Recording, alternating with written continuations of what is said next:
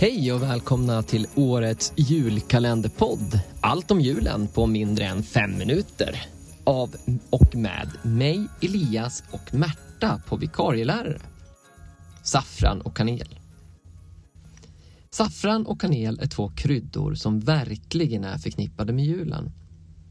Framförallt tänker man nog på lussebullar eller lussekatter med saffran och pepparkakor och risgrynsgröt med kanel. Saffran, som kommer från pistillmärken i saffranskrokusen, en blomma, det är den dyrbaraste av alla kryddor. Det krävs så mycket som mellan 100 till 150 000 krokusar som dessutom måste plockas och rensas för hand för att man lyckas få ut ett kilo torkad saffran. Saffran förvaras nästan alltid bakom kassorna på affärerna och det här är just på grund av att det är så himla dyrt. Första gången som man hör om saffran är på sumeriska lertavlor från 4000 f.Kr. Men även i Gamla testamentet så nämner man saffran.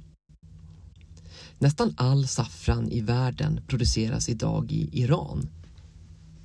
Ett kilo saffran kan kosta mellan 15 000 till 27 000 kronor beroende på vilken kvalitet saffranet håller.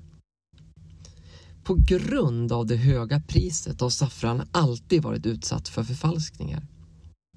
Det är till exempel vanligt att man blandar ut med gurkmeja som ger nästan exakt samma färg som saffran men som nästan inte har någon smak alls. Kanel är en krydda som man får från barken av växter från släktet Cinnamomum och det påminner ju lite om engelskans cinnamon.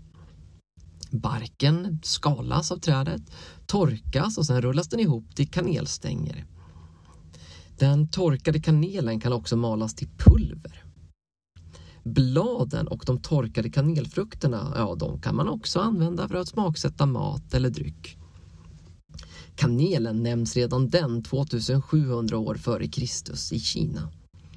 Men även senare från medelhavsområdet så har man uppgifter om att kanel används. I Sverige så vet vi att kanelen användes kring 1300-talet.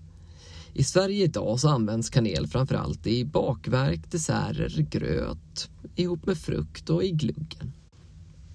Kanelbullen har till och med förärats, det vill säga fått en egen dag, den 4 oktober, då vi alla firar detta förträffliga bakverk lite extra och kanske äter några kanelbullar. Det här var allt om saffran och kanel på mindre än fem minuter. Vi hörs igen. Hej då!